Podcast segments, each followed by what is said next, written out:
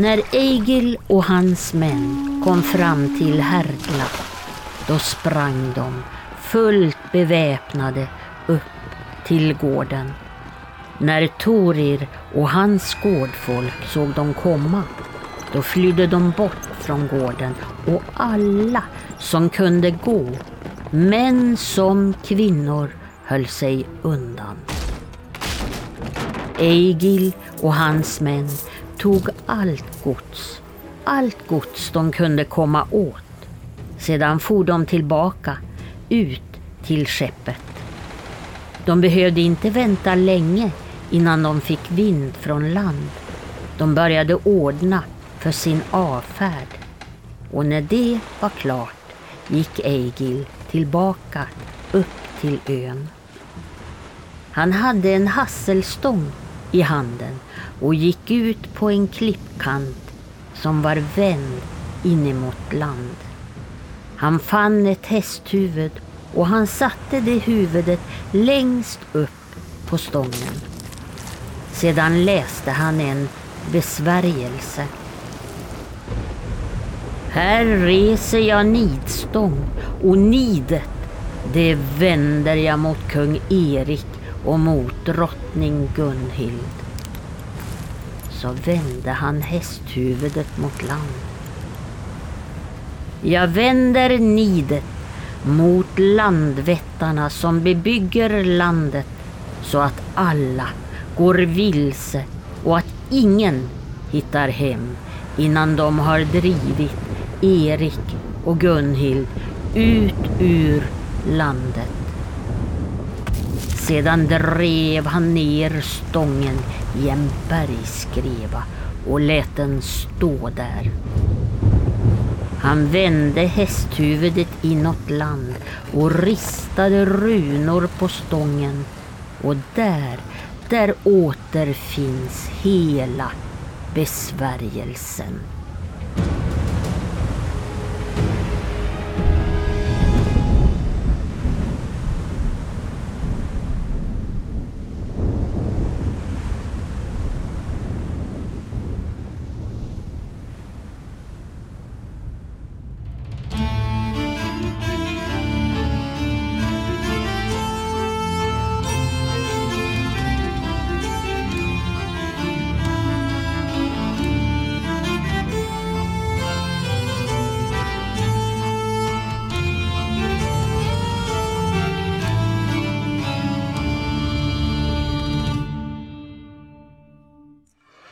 Ja, men eh, hej och välkommen till eh, podcasten eh, När man talar om trollen med mig, Lars Wahlström ifrån konstprojektet Oknytt.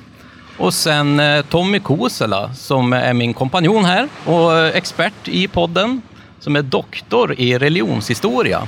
Och nu är vi ju faktiskt ute på ön Björkö vid vikingastaden Birka. Det är ju jättehäftigt. Alltså, det här är verkligen vårt eh, favoritställe nu tror jag. Vi sov över här i natt och det var jättehäftigt. Mycket, mycket fint ställe det här. Och då är det ju så här att eh, vi har en liten livesändning här idag då. Och den här podden, när man talar om trollen som vi har, är en podcast om folktro, mytologi och olika traditioner.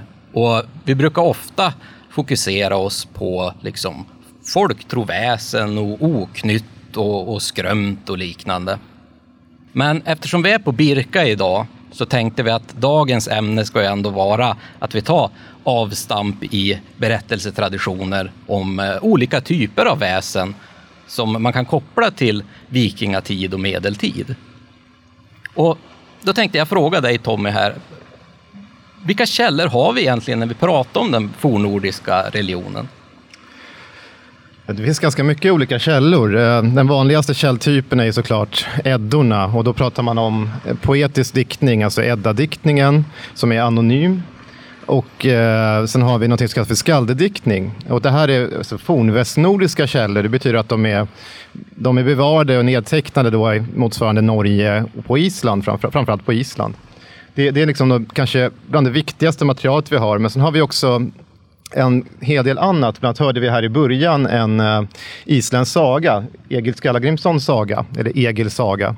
Och det är en av väldigt många sagor som finns nedtecknade framförallt från Island. Då. Mm. Det finns ju olika typer av sådana här sagor. Det är familjesagor, och det är kungasagor, det är biskopssagor och det är fornaldarsagor. Och den sista kategorin, det betyder forntidssagor, är ju väldigt spännande för att här är man kan, lite skämsamt säga att det är dåtidens fantasylitteratur. Här finns det liksom magiska svärd och drakar och ja, de rör sig väldigt mycket i Skandinavien eller österut också, de här hjältarna i sagorna. Men så finns det mycket andra eh, källtexter. Det finns eh, kyrkliga eh, texter som är väldigt mm. intressanta. Vi vet ju en hel del om mannen som var här och försökte kristna Birka, Anskar, och det är ju nedtecknat i en sån här, av Rimbert, då är hans vita, alltså hans mm. berättelse. Och sen så finns Adam av Bremen som skrev mycket alltså, ut, utanför som har skrivit om den här tiden. Men så finns det arkeologi naturligtvis, eh, som är en väldigt bra källa många mm. gånger. Runinskrifter, inte minst här på östnordiskt område har vi ju gott om dem. Alltifrån lösföremål till eh, riktiga hällar och runstenar och annat. Men det finns andra texter som nämner eh, eh som, som, som är av intresse, exempelvis lagtexter som är medeltida som kan nämna en hel del eh, väsen också eh, i vissa fall. Och så, så har vi komparativ religionshistoria, man kan jämföra med andra religioner. Så, så det, det, det lät som ett komplicerat ord. ja, jämförande ja, religionshistoria. Just det, just det. Men vad menar man då egentligen? För vi pratar ju mycket om eh, att vi nämner folktro. Och, men här pratar vi också om den här liksom, fornordiska religionen. Vad, ha, vad menar man egentligen med folktro kontra de här mytiska traditionerna? Det, det är en ganska komplicerad fråga. Man tänker sig så här att för det finns ju ingen enhetlig religion på det sättet som vi har idag. Det fanns inte då. Det finns ju alltså, vissa som bestämmer kanske en del traditioner, större blot och annat hur de ska gå tillväga. Men vad som sker i hushållen och sånt där, det vet vi inte mycket om. Och vart är gränsen? Det finns makter man talar om som har varit med i kosmos, hur det skapat och så vidare. De här stora gudarna berättar, alltså, berättar hur saker och ting har inrättats i samhället. Det tillhör de mytiska traditionerna. Men sen finns det väldigt mycket traditioner som beskriver saker här och nu och hur naturen fungerar, hur, hur vi ska förhålla oss till eh, olika situationer. Och det kanske är mer man kan tänka sig folktro. Men allting är ett, ett uttryck, inklusive myterna, för folkdiktning. Just det, just det. Det, det, är väl det man får se. Man ser olika nivåer snarare. Så ja. Folk tror väl mer kanske berör människan här och nu på ett mm. sätt. Finns det egentligen några spår av folktro och väsen i de fornordiska källorna? Absolut, det finns eh, i det här, särskilt de här eh, sagalitteraturen finns det ganska mycket olika beskrivningar av olika typer av väsen. Mm -hmm. Allt ifrån gengångare till olika alltså underjordiska väsen till troll och jättar. Så det, det, det, finns en, en, hel del av det som vi kanske kan prata lite specifikt om olika typer. Det är nästan lättare. Jag tänkte, när vi pratar om de fornordiska källorna, vad pratar vi om för tidsålder då egentligen? Oj, ja, de, de här texterna är ju nedtecknade, de är ju medeltida, alltså i och för sig allting är ju medeltid. Men eh, de är då kanske från 11-1200-tal nedtecknat, men de beskriver en tid som går tillbaka ett par hundra år tidigare. Just det. Det där är ju alltid omdebatterat hur gammalt någonting är. Om man tar en källa som eh, Edda-diktningen. Vi har ju, vet ju inte exakt hur gamla de är. Man har alltid bråkat om hur långt tillbaka kan man dra dem? Ta skapelseberättelsen och, dess, och dessutom undergången i Völuspau, alltså Völvans spådom. Mm. När är den diktad? Ja, någonstans kanske runt år 900 någonstans, men man vet inte. Är det nära när kristendomen kom? Det är många som tänker sig så. Eller har det, är det ännu äldre indoeuropeiska rötter i den, som ju också är en av de senaste eh, eh idéerna nu som har framlagts av religionshistorikern Anders Hultgård. Varför är det så komplicerat att liksom veta när, när det här handlar om? Ja, men det, det, är ju det att det är muntlig tradition. Och vi vet inte, det här är någonting, vi kan nästan vara väldigt glada, lite tur att man har upptecknat så mycket på Island och även viss mån i Norge. Mm. Vi har ju vissa källor som kanske också är då östnordiska. Vi har ju Saxo Grammaticus som skrev ner de här fantastiska äh, Gesta Danorum om danernas bedrifter. Då. Mm. Men han var ju kyrklig, men han har i de första nio böckerna beskrivit sånt som vi hittar hos Snorre Sturlason på Island. Så att äh, men i lite andra varianter. Så man får tänka sig att de här berättelserna hade traderats i, runt om i olika variationer, precis som vi ser senare. Och eh, vi har vissa former nedtecknade. Men vi har ju inte, nästan ingen aning om vad man pratade om här, mm. säg på Birka. Vi har ju inte de texterna. Vilka gudar var, var liksom primära här och på vilket sätt hade vi samma myter om Tor och Oden här? Mm. Finns guden Ull här? guden Frej som var extremt viktig i mellanlandskapet, fanns det stora diktverk om honom. För att i det bevarade materialet idag så har vi ingenting om Frej. Alltså vi, han finns omnämnd, men det finns ingen dikt där han är huvudfigur. Nej. Ja, det närmaste är Skirners mal, men det är egentligen hans då, eh, skosvän eller tjänare Skirner som är den som utför Men om vi ska gå in lite grann på de här väsena. Här i den här inledande texten som vi hörde, som var ganska spektakulär, eh, mitt, mitt i liksom eh, ett slag. Och där tog han ju då ett hästhuvud och körde fast det på en påle och liksom förbannade. Eh, och då pratade han om just det här med landvättar. Mm. Vad, vad är landvättar för någonting? Landvättar är superspännande. Det är ett slags underjordiska väsen som det berättas om i flera källor på Island. Eh, isländska källor. En av mina favorittexter som jag inte nämnde här i början, det är en text som heter Lannamabok. Mm -hmm. Och det betyder alltså landtagningen av Island egentligen. Man har beskrivit det som korta berättelser, liksom hur det har gått till. Och här, här, här myllrar det av sånt som vi kallar för folktro egentligen. I den här finns det bestämmelser, exempelvis när vikingaskeppen eller drakskeppen kom så skulle man ta bort eh, alltså, drakhuvudet, stäven, han hade gapande mun. Mm. Anledningen till det sägs det i den här, det är för att man kunde skrämma landvättarna, det ville man inte göra. Och det finns en annan berättelse i den här, en annan person som ingår i ett slags uh, förbund med en landvätte och får väldigt mycket rikedom. Och det här känner vi igen långt senare, på, i, alltså tusen år senare i, i, berättelser om personer som har förbund med övernaturliga, övernaturliga väsen och får rikedomar på grund av det. Mm. Så att ja, det beskrivs där. Det finns också i norska lagtexter, i Gulatingslagen exempelvis, så det, finns det alltså stiftas mot Landvetter, att man inte ska tro på dem längre så att säga. Jaha. Och det är ju någonting som vi känner igen också lite senare när vi pratar om liksom, tomten och skogsrået. Så här, att jo. Inte, inte hava några andra väsen jämte Gud. Liksom. Men, det, men det, finns, det finns en hel del mer om Landvetter. Det finns många berättelser om folk som har sett dem i nästan visioner. Alltså Island har ju fyra landvättar egentligen som sina, på sin vapensköld. Jaha. Och en landvätter kan vara olika saker. Det kan vara allt ifrån en liten figur som bor under marken alltså motsvarar kanske vättar här då. Alltså ordet vätter finns ju, och det har ju gått eh, antingen i i Norrland så har det blivit i vittra och i södra delen av landet så är det vätte. Mm. Men det är ju samma grundord från början. Mm. Och eh, det är, det är en slags underjordiska väsen helt enkelt. Finns det någonting i källorna som beskriver hur ett sånt här landvätte ser ut? Nej, de det, små och stora? Liksom. Det är väldigt diffust. Eh, de, de kan vara både små och stora. Det, det, är det som är skillnaden och det är så, så, vi ser också väsen senare i tid, att de kan förvandla sig. De kan ta olika storlekar. Alltså det påminner väldigt mycket om den här, kanske, om vi pratar moderna, men vi säger 18, 1718, eh, 1900-tals vätten. Och lite som du säger, vittra också, att det är det här kollektiva underjordiskt levande folket liksom, som man ska ofta hålla sig väl med. I alla fall ja. i många av de här berättartraditionerna. Det är Eirbyggarnas saga som är en sån här isländsk familjesaga. Så det finns en episod i början där, ett plats som heter Helgafell som är liksom heligt. Och då är det en person som går, inte får kissa på eh, den platsen, eller ännu värre saker, nummer två då. Just det. Och varför får man inte göra det? Då? Det är för att man förargar just de underjordiska. Och precis samma motiv förekommer ju långt senare. Mm. På, och fortsätter, än idag finns det ju kvar på Island, men då kallar man det för alfar eller hultefolke som är egentligen en motsvarighet till Landvetter i äldre tid. Och vi har ju det här i Sverige också. I, i Gästrikland så var det mycket liv om eh, vid Skarberget där. Så E4 går ju förbi Skarberget och E4 drogs här på 70-talet. Och det är mycket trafikolyckor där, det kan man gå till Trafikverket och få det bekräftat. Mm. Men i bygden finns det en lokal eh, förklaring till det här. Att det är ju, man säger vittra, eller så säger man att det är vikingagravar, eller man säger att det är spöken. Man har olika förklaringar, men det är i alla fall ett övernaturligt. Och i där jag arbetar i det här folkminnesarkivet då, så har vi fullt med berättelser om vitterstråk och sånt. Man får inte liksom korsa dem på olika sätt. Då blir de förargade, vi bygger på deras platser. Mm. Och på Irland har vi samma berättelser. Så det där är, det, det, är ett spritt motiv och det hittar vi faktiskt redan i isländska sagorna. Det är väldigt fascinerande för det, det är ett väsen som jag inte ofta får höra talas om, just landvättar. Eh, och det är klart, det, det kan vara mycket att det inte har fortsatt fram till idag i samma form, i alla fall i namn. Då. Jag, ty jag tycker det är spännande om vi någon minns eh, inläsningen här i början som Eva har gjort. Vi fick, har inte med oss Eva här i fysisk person, men vi fick ju med åtminstone hennes röst. Inläsning.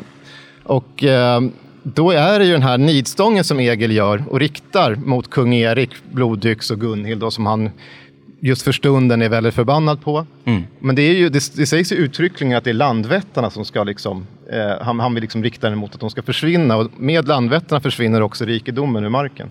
Det är så jag Aha, tolkar det där. Just det, ja. Så det, jag tycker det är en väldigt bra öppningsscen, inte minst sen dessutom är det ju väldigt, ett, ett litet vikingahärd Ja. i början. Som vi också. Vilket Passar passar, passar väldigt bra här på, tiden, på ja. Birka. Men om vi går lite vidare, vi har pratat här om landvättar och det finns ju andra eh, kollektiva djur, eh, eller kollektiva djurväsen är det ju egentligen vi pratar om. Och när jag tänker på fornnordisk eh, religion och de myter vi har så finns ju någonting som heter jättar. Det här har vi ju gjort ett helt avsnitt om faktiskt, men kan du förklara lite kort var, varför är jättarna så viktiga i den fornnordiska mytologin? De är, som, de är centrala, centrala aktörer. Den som inte vet, jag skriver ju min doktorsavhandling om just jättar i fornnordisk eh, mytologi. Så att det är ett sånt där hjärteämne, jag ska inte bli långrandig. Men de, de finns där hela tiden och man får se det som en annan kraft, som är konkurrerande kraft till gudarna helt enkelt, om som herraväldet i kosmos. Och ibland så har de med allianser med gudarna, ibland så är de i strid med gudarna, ibland gifter de in sig och inte. En del är fula, en del är vackra en del, och de är oftast minst lika mäktiga som gudarna. Och det är, i, det är också någonting som är en slags episka, eh, ska man säga, Alltså när, när Tor, I myten om Tor så ska han ju alltid möta jättar som motsvarar honom själv. Och det, vad det gör, det förhöjer hans egna kraft. Och när han lyckas övervinna en sån jätte så ser man att han är ännu kraftfullare. När det gäller Oden så är det ju som vanligt med Oden, det är lite lurigare för att han, är, han tar ju till en del fula knep för att vinna över de här visa jättarna. Men de är absolut inte några av de här dumbommar som senare kommer i, i en del folktro, utan det är ju, jättarna kan vara ganska visa och kunniga och det är oftast de gudarna vänder sig till för att hämta viktiga föremål eller kun, viktig kunskap. Det känns ju lite som att jättarna i den här kontexten är lite mer som en motpart till just, i det här fallet, asagudarna.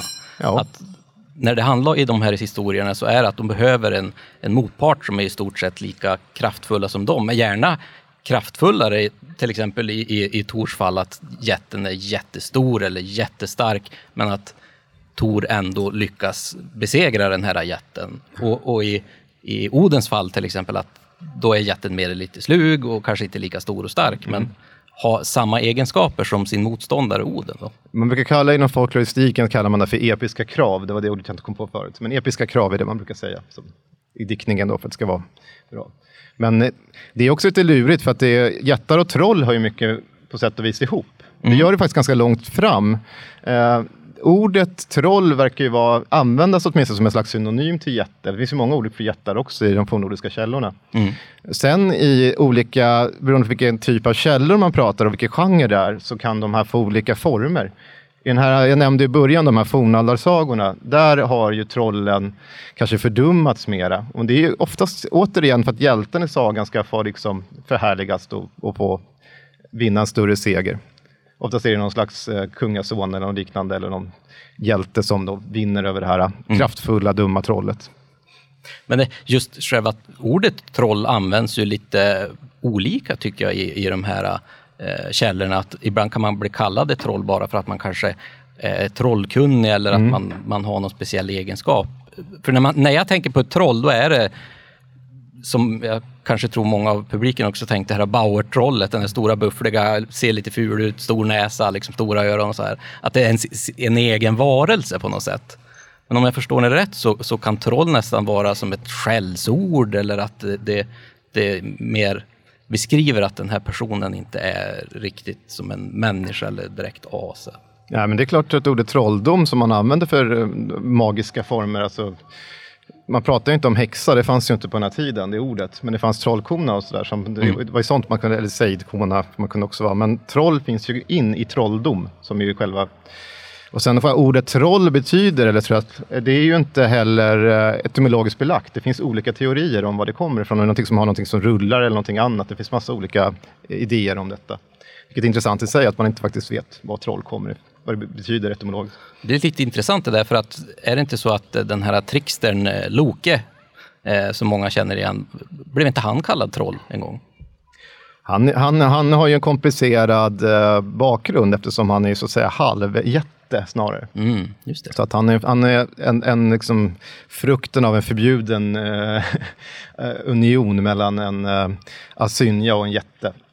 Men om, om, vi tar de här äh, två varelserna då, eh, jättar och troll. Kan man, är det samma väsen? Om vi tar jättarna till exempel, som här verkar ganska dynamiska. De är väldigt... Eh, de, de förändrar sig väldigt mycket beroende på hur själva berättelsen och sagan ser ut. Men när man tänker på folktrons troll är det ju lite som du säger, den här stora, lite korkade varelsen som är lätt att lura. Liksom. Eh, Nej, inte folktron, en... folksagan. Ja, förlåt, i folk, folksagan. Ja. Kan man se kopplingen att det är samma typ av varelse? Och varför har det blivit den förändringen egentligen? Ja, men det är, det är de här kraven som fortfarande ställs. Och det är olika typer av berättelser. För om du går till sägentraditioner, man berättar liksom sägner eller trosutsagor eller när folk har mött, sägs ha mött troll. Då är trollen inte helt olika oss människor. Då ser de ut ungefär som människor, de är ganska vackra och rika och har dyrbara kläder på sig. det som kan avslöja dem är att de har en svans eller någonting annat som, att de är trolldomskunniga helt enkelt. Men mm. eh, sagans troll är ju mer, det är ju de som eh, Kittelsen och liksom Bauer och de här, eh, Werenskjöld och många av de här inspirerades av. Det var ju folksagans troll. Och de påminner också faktiskt om fornaldarsagornas troll som kan vara ganska stora, fula och, och inte minst farliga och arga. Mm. Det är ju lite intressant det där med trollen också för att eh, om vi tittar till vårt grannland Norge, deras troll eh, ser ju väldigt lik ut vad jag skulle kalla här liksom för en jätte. De är ju enormt stora vissa av deras mm. liksom, troll. Eh, och det är ju lite intressant. Det är nästan så att man skulle vilja säga att det, det är en form av jätte som man kallar för troll, men det är väl säkert olika. I, i många sägner så är det inte någon större skillnad. Då är jättar och troll kan utbytbara med varandra, ibland till och med utbytbara med djävulen. Just det. det är, ja, det är svårt. Jag kommer att tänka på en sak till som jag inte har nämnt här. Det är en källa som jag inte sa här i början, som faktiskt är lite äldre, eller ja, inte äldre än arkeologin, men de skriftliga källorna, det är ju, det är ju den fornengelska dikten Beowulf. Just det. Och det var någonting som jag var väldigt, väldigt intresserad av när jag skrev min doktorsavhandling. Nu kom inte det med, det blev en egen artikel, men det var om jättarna i Beowulf. För att det finns en hel del jättar. De, det finns en del olika ord för jättar här också. Och en av dessa ord som används för en ganska känd gestalt här som heter Grendel, som säkert de flesta har hört talas om, är ju ordet fyrs. Mm. Och på fornnordiska finns ju fyrs för jätte just. Så mm. Jag tänker mig att Grendel är ett slags jätte eller ett troll. Mm. Där är gränsen så stor eh, på dem. Han beter sig på ett sätt som vi sen ser senare i en del sagor. Det finns en saga som är inbakad i Snorre Sturlasons eh, Heimskringla om Olav Haraldsson, eller Olav den helige som han hette då, eh, kallades för senare. Men, och då är det en episod i den när det är ett gäng eh, på tolv köpmän som befinner sig i motsvarande dagens Jämtland. Så nu är vi i Sverige i alla fall. Ja, fast då Jämtland en del av Norge. Men, och, Och eh, de sover över i en så kallad själastuga. Och eh, under natten så brakar det in en stor trollkärring, står det. Som är väldigt stor och hon dödar männen, elva av dem i alla fall. Mm. Och en lyckas krypa upp på taket och sen tar hon och styckar upp dem och börjar slänga deras eh, likdelar på brasan och sitter och smörjer kråset ungefär och förbereder sig. Och den här sista som har klarat sig upp, han tar sitt spjut och så sticker han genom ryggen på henne så den går ut liksom i bröstet. Och då springer hon ut genom eh, dörren och får liksom hela ramen och allting med sig när hon rusar iväg. Och sen handlar sagan om att han ska leta för sitt spjut igen och sådär. Men det där är motiv som påminner mycket om striden också med Grendel i Beowulf. Och det påminner också med en strid mot en gengångare som heter Glom i Grettirs saga. Mm. Så att det finns många likheter, samma motiv i alla fall, som kommer på olika sätt. Men här har vi ett väldigt, väldigt farligt troll i alla fall. Det är ju lite kul här också med Grendel, för att Grendel är ju också väldigt stor och väldigt stark och Beowulf har ju också de egenskaperna. Mm. Så att det blir liksom den här motparten till han eh, där de ställs mot varandra med samma egenskaper och till mm. slut är det ju då, spoiler alert, men det här är ju en väldigt gammal saga, men det är Beowulf som vinner då naturligtvis. Han eh, sliter av armen på Grendel om jag inte minns fel. Jo, men sen, sen har han ju ett ännu större hot framför sig, det är ju Grendels mamma. Mm. Som inte har något namn, men vad heter Grendels mor? Det är ju lite kul här där du nämner eh, gengångaren Glom. Mm. För här på Birka, någonting som är väldigt unikt här på Birka är ju att vi har ju flera tusentals grav eh, kummer, jag på att säga. Nej, men gravfält här. Enormt många gravar. Och det är så himla häftigt att gå runt här och titta för det är nästan som ett kullerfält. Liksom. Det, det, det gyttrar hela landskapet. Och då kan man ju nästan fundera, mm, de har legat här i tusen år. Är det fler som går här? efter de här tusen åren. Och det här med gengångare och, och spöken, är, är det samma sak egentligen? Ja, det är, svår, det är en svår fråga. Vi hade ett avsnitt, om eh, några lyssnar på podden, som hette om, eh, handlade om likspöken. För vi kallar det för likspöken, men det var ingenting man gjorde förr. Men det är helt enkelt det är spöken i fysisk form. Mm. Så att vad vi har i de fornnordiska källorna, det är väldigt många sådana alltså döda som går igen, fysiska kroppar som återkommer. De finns i olika typer. Vi har i Eirbygga saga så det finns en episod där de kommer tillbaka, de har drunknat, så de kommer bara tillbaka in i långhuset och sätter sig liksom runt. Ingenting egentligen händer som är farligt, eh, förutom att det är väldigt obehagligt. Men så finns det många av de här som bor i högar och det är som, kanske sådana vi kan hitta här. Om en hög öppnar upp sig så ska man väl in och brottas med den här uh, gengångaren och då kan man få ta del av skatterna och sådär. Mm. Det, det, det är ett ganska vanligt motiv i sagalitteraturen. Men de här gengångarna går väl ganska långt tillbaka i tid också, alltså själva tron på dem?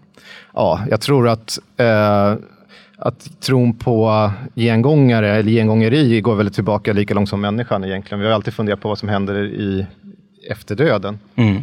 Och eh, människor har, har alltid beskrivit sig sett saker.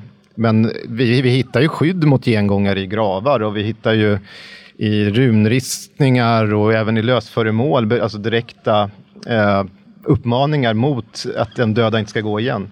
Vad är det för typ av liksom, eh, saker man kan finna i en sån grav då, som, som ger tecken på att de vill skydda sig mot att eh, den här personen ska ha, bli en gengångare efter döden. Någonting som verkar finnas, i, och det här är ju väldigt omdiskuterat, men också i en annan saga som heter Gisle Sursons saga så finns det en, eh, då sägs det att man ska binda helskor på den döda. Mm -hmm. Och det beskrivs inte exakt vad helskor är, men det är någonting för att ska förhindra att den döda ska gå igen uppenbarligen. Och det finns ju också tecken på att folk har lagts ner med alltså något stenblock eller någonting annat över sig för att de ska ligga fast på platsen. Mm. Och det där kommer, även nedpålning av döda finns ju ganska tidigt. Eh, alltså belagt. Och det finns också beskrivet i ganska mycket senare alltså, källor. Nedpålning av döda, är det inte liksom så man ska göra med vampyrer? Jo, det är samma motiv som förekommer, fast i en light-variant ska jag säga. Men de här gengångarna, vad, hade, vad har de egentligen för egenskaper? Du säger att det är liksom nästan ett, spöke i fysisk form, ja. en typ av zombie liksom? Nej, det är de inte, för de har kvar mycket av sina egna alltså personlighet som mm -hmm. döda. Då kan man säga att de förstärks. Om de var onda och svåra att ha att göra med i det här livet så blir de ännu värre när de, är, när de går igen. Och oftast är det personer som kan vara trolldomskunniga eller någonting annat som gör att de, de blir sådana här. Det finns jättemånga beskrivningar av gengångare egentligen i de isländska sagorna. Mm. Och även sådana som återföds igen, det är en som bränns till aska och sen kommer liksom en kalv och slickar i sig den där och sen så föds en ännu värre liksom variant sen. Så det finns, det finns många, många olika beskrivningar om. När vi, när vi går fram i tid liksom i, i folktraditionen här så känns det ju som att många av de här egenskaperna som gasten har måste ju ha följt med under en väldigt lång tid. Den här gasten till exempel i modern modern folktro säga lite slarvigt här, att just att, han kan bli jättestor, han gastkramar, han kan mm. förändra sina egenskaper väldigt mycket. Eh, är det någonting som man ser långt tillbaka i tiden också, eller är de en mer fruktansvärd varelse där? Alltså, ja, de, jag tycker att en del beskrivningar av gengångare i de isländska sagorna är helt fantastiska. Alltså, de är brutala, farliga figurer. Du har ju den här Glom då, som är en av de kändaste i Grettirs saga. Alltså, han beskrivs som ett riktigt vidunder och sen finns det en scen, Grettir som är typ en superhjälte på den här tiden, måste man väl säga.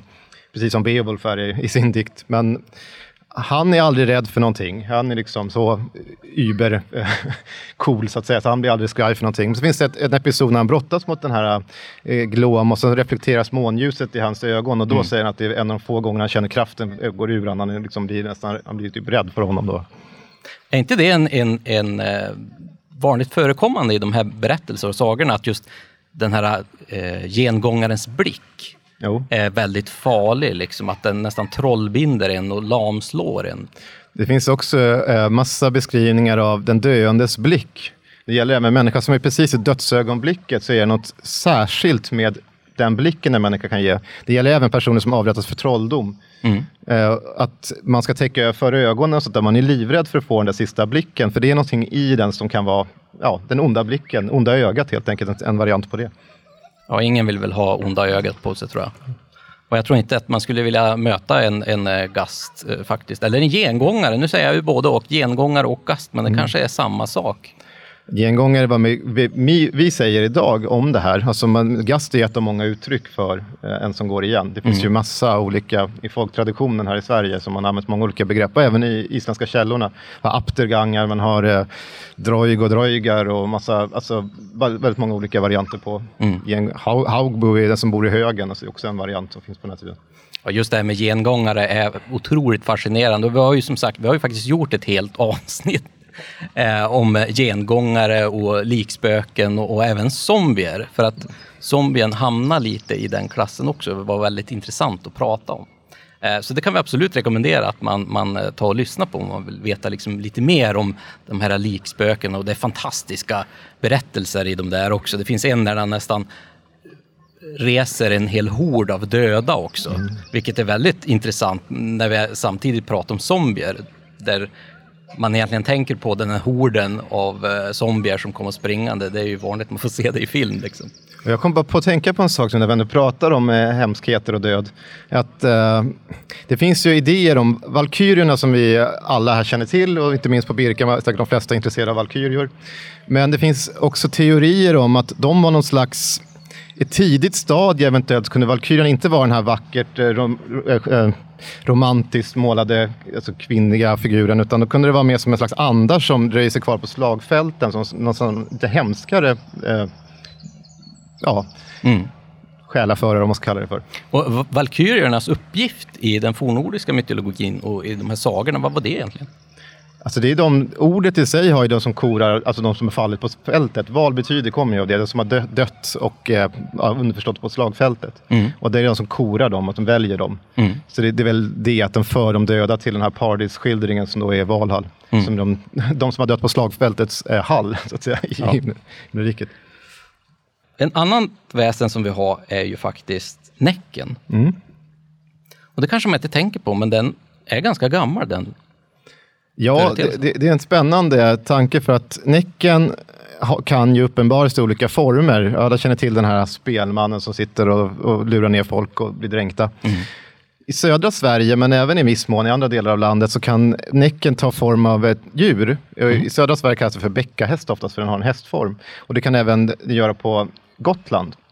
Det är bysen ofta som gör det för sig, men det är ju en, samma variant. Att en häst lurar ner barn, i regel barn, men inte alltid barn, det kan vara vuxna också. Och sätta sig på sig så rusar ner med dem och, och, i vattnet.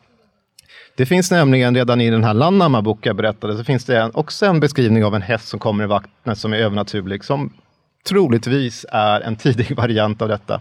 Jaha. Och ordet i sig, eh, näck, det finns en beskrivning i Beowulf, så är det, om ni känner till den här berättelsen så har ju Beowulf då kämpat mot det här eh, trollet så, som är Grendel, slitit av hans arm så Grendel retirerar hem till sin mamma.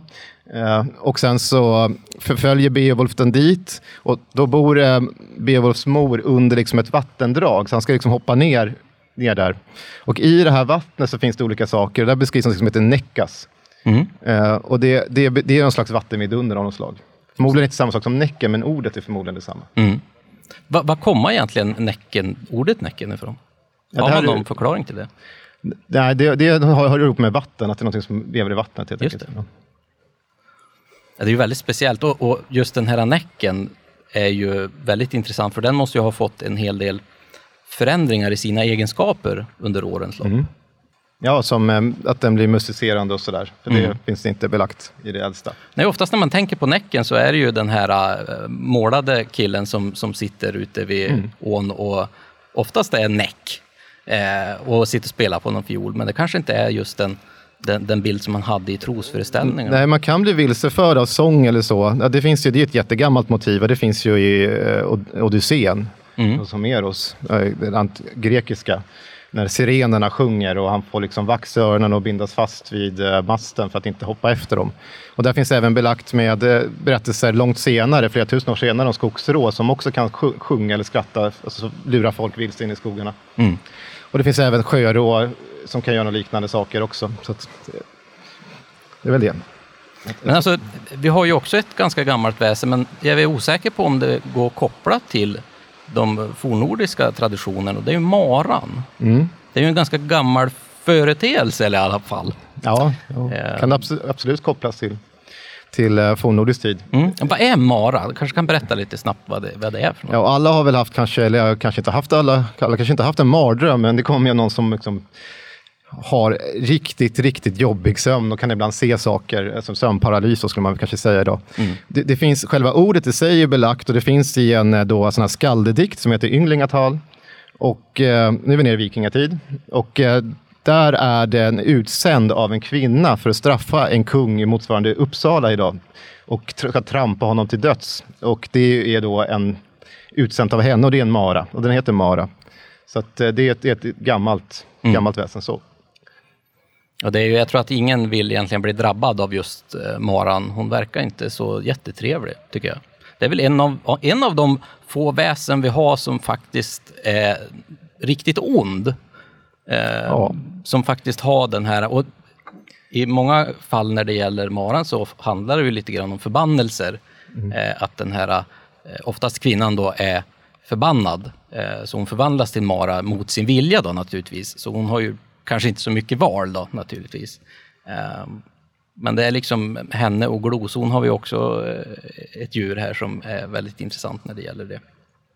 Men vi har ju någonting här också som jag skulle vilja ta reda på. Det är ju i fornnordisk mytologi så har vi ju eh, Nidhögg. Och framställs det som en orm eller är det som en slags drake?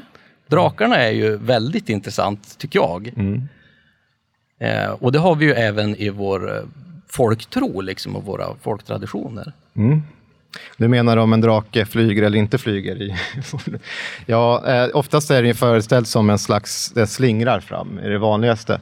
Men fallet Nidhögg, bara för att du nämnde den, som är ju ännu mer komplicerat, för att just i den här eh, völvans spådom så avslutas den nämligen med att Nidhögg flyger över. Så att eh, där finns det flygande, men det, i de flesta fallen i fornnordiska källor så är drakar eh, alltså mer föreställda som en stora ormliknande väsen. Så att säga. Det är det vanliga. Och är inte det också eh, vissa föreställningar som har kommit fram i våran tid också? Att, att eh, det handlar mer om ormar, kanske vitormar eller eh, liknande istället för just de här kanske klassiska europeiska eh, drakarna med vingar och fyra ben och grejer. Alltså drakdödarmyten är ju jättegammal. Alltså, man tar Tor och Midgårdsormen, det är ju egentligen också en slags drake. Eh, och eh, du har ju i andra mytologier världen över så har du också en kamp mot ett slags odjur som liksom kan liknas vid dragkampen. Har ju även i kristendomen så har du också varianter på det här med Sankt Göran, draken och sådana saker. Så visst, den har kommit och den har utvecklats och det finns olika berättelser. Beowulf kämpar ju också mot en drake, det är så han dör sen. och Just det, händer- det. sker ju här i Sverige då. Ja. Men det är ju någonting som, som eh, ofta när man ska förs- försöka skydda sig mot de här väsena eller när man framkallar de här väsena eh, så handlar det ju oftast om trolldom. Och det finns ju både liksom, eh, nedteckningar från idag men även långt tillbaka till tiden att trolldomen har en väldigt stark kraft. Vad har vi för källor där egentligen? Ja, där finns det väldigt spännande källor. Det, alltså egentligen så kan man säga att alla kulturer världen över, så länge vi har skriftliga källor i princip, har någon form av besvärjelser be- bevarade. Och när det gäller fornnordiska källor så är det ju oftast den guden som förknippas med det är ju naturligtvis Oden. Och det berättas om hur han lär sig olika alltså, magiska sånger. Och ibland tar, lär han sig det här av jättarna, för det är de som oftast... Jag ser det som att de sitter på en äldre kunskap och kraft som gudarna åtrår. Det är så Oden liksom stjäl det av dem, så att säga, den kunskapen. Men eh, det finns en hel del. I den här skrivningen som jag nämnde tidigare så finns det också sådana här um, ristas runor på en stav som sen eh, Gerd då, jättinnan, han hotar med att röra henne vid. Eh, och det är först då hon eh, ger efter och lovar komma med Frej. Och det finns ju också sådana här eh, ristningar som är riktat mot kvinnans sexualitet. Det finns ju sådana bevarade eh, varianter på det här. Inte minst har vi sådana i, i Norge, i Bergen, i Bryggen, där som jordmånen där gjorde ju att ganska mycket sådana här eh, rymdlistningar på trä bevarades. Jaha. Och då fick vi fram jättemycket, det finns lite liknande i Sigtuna och sådär också, man fick jättehäftiga formler och en hel del av de här äldsta runinskrifterna är också, har också tolkats som magiska inskrifter. Mm.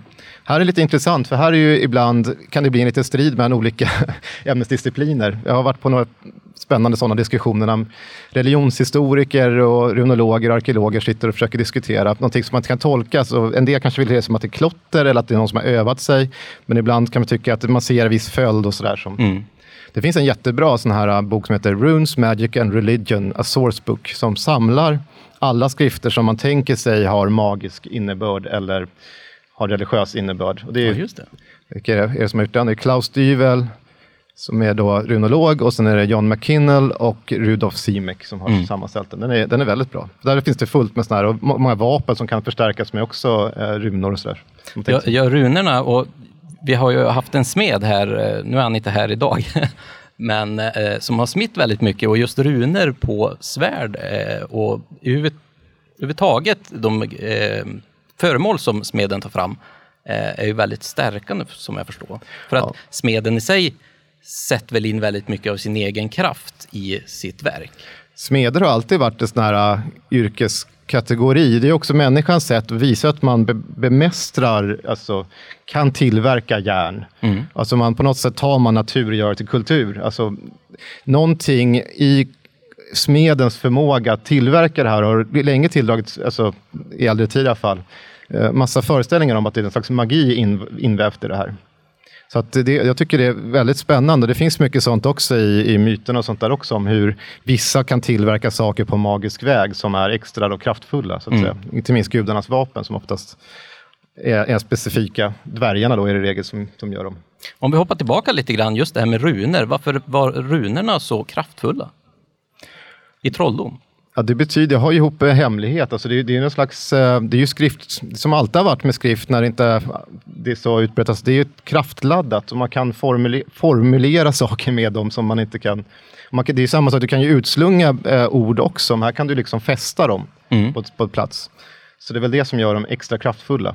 Att man kan de här hemligheterna som gör att man kan de här sekvenserna som gör dem magiska. Alltså magiska di- dikttekniken egentligen. Man får ju också tänka, oftast är det här åtföljt kanske av eh, verbal, eh, verbala rörelser, att man kanske annat också. Vi ser ju i svartkonstböcker såna här, som finns kvar in i hyfsat modern tid, eh, och väldigt gamla också finns det en hel del. Men det, det, en del av de här eh, besvärjelserna och formlerna kan ju innehålla namn på alltså, hedniska eller förkristna gudar blandat med kristna, alltså med helgon och kristna ord och sånt där. Man tar till alla medel för att förstärka formeln så mycket som möjligt. Så att jag menar, om man hittar en formel där man åberopar Oden samtidigt som man åberopar eh, ett helgon, som man åberopar Jesus, så tänkte man sig att allt det där gör den bara kraftfullare. Hur kunde man använda den här trolldomen egentligen? Var det mest för att man skulle åberopa kanske en gudom eller liknande eller var det liksom för att kasta förbannelser? Eller vad, Nej, och, och kallar man en gudom så blir det en bön. Mm. Så att det är det inte, utan det här är ju ett sätt att själv alltså bemästra verkligheten till din egen vilja på något sätt. Så att det, det är, gränserna för det är väl lika mycket som människans eh, behov och önskningar och begär så att säga. Så att det är mycket sånt man kan hitta. Man får lycka med saker och ting, när man botar saker och ting, hur man kan få någon att bli förälskad i sig mot sin, dens vilja och sådär. Så att det, det finns mycket av den varan. Någonting som jag har förstått eh, just med, med väsen är att de kan påverka ens lycka på lite olika sätt. Vi har nyss haft ett avsnitt om, om skogsrået som genom trolldom troligtvis kan, kan, genom sin makt i alla fall, eh, kan ge dig lycka eller olycka eh, om du jagar. Den här förest- företeelsen om att lyckan är liksom en, en kraft som du kan påverka, är det något som man kan spåra tillbaka till äldre tid? Ja, att man vänder sig till, ett, till eh, en, en högre makt så att säga, än en annan makt för att få kraft eller lycka. Det, det finns ju belagt sedan lång tid tillbaka. Det, sen är det ju en annan sak eh, som man kan drabbas av nästan. Eh, oftast är det att det är någon trollkunnig som nästan skjuter på dig. Eh, och det är att du får det här trollskottet. Eh, vad är egentligen ett trollskott? Det, det, är, en förklaring av hur man kan drabbas av en plötslig sjukdom eller någonting annat. Att man får, ibland kan man få som ett märke på sig, då tänker man att det är någonting av de här övernaturliga som har skjutit den eller på något sätt eh, avfyrat den mot dig, som, som har förargat dem på något sätt. Kan, kan bara liksom, eh, vanliga trollkunniga människor göra det? Eller var det mest eh, väsen som gjorde Både det? och. Både och. Både och Ja. alltså. Någonting som jag ofta har hört talas om är ju just att eh, älvor kan ha Mm. den eh, funktionen att du, de skjuter ett trollskott och så kan du bli sjuk. Liksom. Ja, precis. Det här är lite intressant för älvor här, äh, det kommer också samma ord som alv. Mm. Så det kommer också från alfere, så ett fornnordiskt ord. Och eh, de är inte alls Tolkiens sköna, fina alver, utan det är ju mera ganska farlig kraft i, i, i tillvaron. Mm. Och oftast förklaras de att de sätter sjukdom på människor. Det är när man har gjort saker och ting på ett fel sätt, eller förargat dem, eller gått på dem eller någonting annat. Så då blir man sjuk och får alltså eldblåst eller någonting annat på sig, ett utslag. Mm. Alltså när man pratar i, i den här äh, mytologin så pratar man ju både om ljusalver och svartalver. Ja, det är hos Snorre Sturlason det. Ja, just det. Och det, det verkar vara hans... Man får inte glömma bort att Snorre, som ändå är en av våra bättre käll, eller en bra källa Mm. på många sätt, han var kristen och han skrev ner Snorres Edda, som man kallar det, prosaiska Eddan, eh, på 1200, början av 1200-talet. Och då hade Island varit kristet i över 200 år. Mm. Så han, det han gör är ju ändå att eh, han framställer det inte med de här moraliska pekpinnarna som Saxo och Grammaticus gör, som tycker att alla är, det är liksom bara djävulens eh, trollkarlar som har lurat människor. Mm. Så han försöker ändå väva in, och han, men hans syfte var egentligen att bevara skaldekonsten, det var ju det han var intresserad av. Så det är ju en handbok i, i uh, diktning egentligen. Mm. Och då behöver, du, då behöver du känna till myterna för att kunna dikta på det sättet, för att kunna det här systemet. Mm. Så han var ju rädd att det var på väg bort. Så det är därför du hittar mycket sånt här. Och han har, då hittar man också mycket de kristna inslagen inbäddat i det här. Mm. Ibland kan det förvirra många, för man tänker sig att man läser Snorres Edda och så, sen tänker man att det var så här även i, i, då, i förkristen tid. Men det finns mycket med olika himlar och sådär som verkar direkt tagna ur en del kristna texter som Snorre har inspirerats av. Mm. Och jag tror att det här med svart och ljusalver är en sån här detalj. Ja. Finns egentligen något spår av, av den fornnordiska gudavärlden eh, i de väsen och i de sagor eller traditioner och sägner som finns idag? Ja, vi, när vi pratar om folktro i den här podden så brukar vi tänka oss, det vanligaste är ju ändå 1800-talet, för där har vi så mycket bevarat material. För man började samla in folkminnen på bred front kan man väl säga. Eh, under andra hälften av 1800-talet till första hälften av 1900-talet var det väl som mest aktivt. Och vad man hela tiden vill hitta gamla människor, så man kan säga att det kanske viss mån slutar 1700-talet och under 1800-talet. Men visst finns det spår. Eh, man får ju också tänka sig att det finns ett problem här eh, när det gäller fornnordiska. Att redan på 1600-talet så väcktes ett intresse för de här eh, gamla sagorna och, och berättelserna. Man började översätta dem. Började liksom, man konkurrerar med Danmark med att liksom lägga beslag på isländska sagor och hitta, lyfta fram sina egna nationer i det här. Och då spreds det här också ut i folklagren till en viss mån, att man fick mer kunskap. Men det som finns kvar, vi har ju veckodagsnamn. Mm. Vi har ju liksom flera gudar inbakade, det vi säger dagligen om vilka dagar vi har. Onsdag, torsdag, Ja, vi har ju, fredag? vi har ju Tyrs dag, vi har Odens dag, vi har Tors dag, vi har Friggs dag. Det är, de, det är de gudarna som finns, och en gudinna då, som finns i, i namnen, Mm. veckodagarna. Och sen så finns det ju saker, föreställningar om eh, eh, exempelvis att Oskan och Tor har ett samband. Det, ju det kan man ju spåra tillbaka till att han slår ihjäl, från att slå ihjäl troll och jättar i myterna i den fornnordiska så slår han ihjäl skogsrå och andra väsen i, i folktraditionen som är mycket yngre, då, eller alltså den yngre folktraditionen. Mm. Och det är ett motiv som kommer titt som tätt man hör till Tor som är ute. Mm. Jag växte själv upp och fick höra att det är Tor som bullrar när liksom vagnen drar fram med vagnen över himlavalvet. Ja, han har ju den här vagnen som dras av, är det getter? Ja, två stycken. Ja. Och sen har du ju idéer om Odens jakt och det är också sådana här jaktfölje som kan dra över himlavalvet och då är det ju Oden ofta som, som tänks leda den. I alla fall här. Och sen kan, det kan vara Tor ibland som leder den, ibland kan det vara en jägare, ibland kan det vara en gammal kung eller någonting annat. Och det här kallas för The Wild Hunt, finns även över stora delar av Europa. Men att just här uppe så är det då Oden eller Tor som brukar leda den där. Och en del av de berättelserna så är det ju oftast med ett eh, väsen som vi känner igen. Ja, skogsrå eller en trollkärring då som Ja. är den som jagas av det här följet. Varför blev hon jagad av just eh, Oden? Liksom? Ja, det tror jag att det är en idé att han blir helt plötsligt en jägmästare, alltså han, som, som, som bara leder det här följet. Tor är egentligen mera eh, logiskt på sätt och vis. Att han fortsätter samma jakt. Men att varför ska slå ihjäl alla väsen, det kan man ju fråga sig också. Mm. Men sen finns det ju fall, rättegångsfall och sånt där när Od- Oden har åberopats. Det finns från 1400-talet exempelvis personer som har slutit förbund med Oden sägs det. I, i tänkeböcker ibland. Jag tror från Stockholms stads tankebok finns det något från 1400-talet där en person har sägs sig ha ingått ett förbund med Oden. Det är mm. jätteintressant varför han säger just Oden, den här anklagade personen. Mm. För det är så tidigt. Ja, du ser, alltså, vi, vi skulle kunna sitta och prata här hela dagen, precis som vanligt. Och vi är ju kända för att ha våra väldigt långa eh, avsnitt, eh, men tyvärr så måste vi ju faktiskt eh, avrunda här. Och jag vill ju tacka er allihop för att ni var här. Jättekul att se så många. Och jättestort tack till Birka och Strömma för att vi har fått eh, komma hit och hålla den här eh, livepodden. Eh, det är väldigt kul att få komma ut bland folk för en gångs skull. Annars sitter jag i Örnsköldsvik och Tommy sitter i Uppsala mitt emot en skärm bara. Och det, det är bra att vi får ses lite oftare så här. Och jag ska avsluta lite så här att ni får jättegärna gå in på våra sociala medier. Vi har ju både Facebook och Instagram där vi heter Oknytt Sverige. Och Tommy han heter ju Suttungsbro på Suttungsbruve är det. Ja. Jag vet inte hur man ska uttala det. Det är en jätte som brygg, har bryggt mjöl. Det är Suttung som hade mjölet. Det är på Instagram. Ja. Så gå in och gärna kolla. Han lägger jättemycket, ut jättemycket spännande bilder som man sällan ser från konstnärer. Så det är jätteintressant. Sen har vi också en eh, Facebookgrupp som heter När man talar om trollen eftersnack. Där vi lägger upp eh, bland annat det här avsnittet eh, kommer vi lägga upp. Och sen så lägger vi oftast upp lite bonusavsnitt och man får gå in och, och liksom ge oss tips till nya avsnitt och säga vad som är bra och vad som är dåligt så vi alltid kan bli bättre.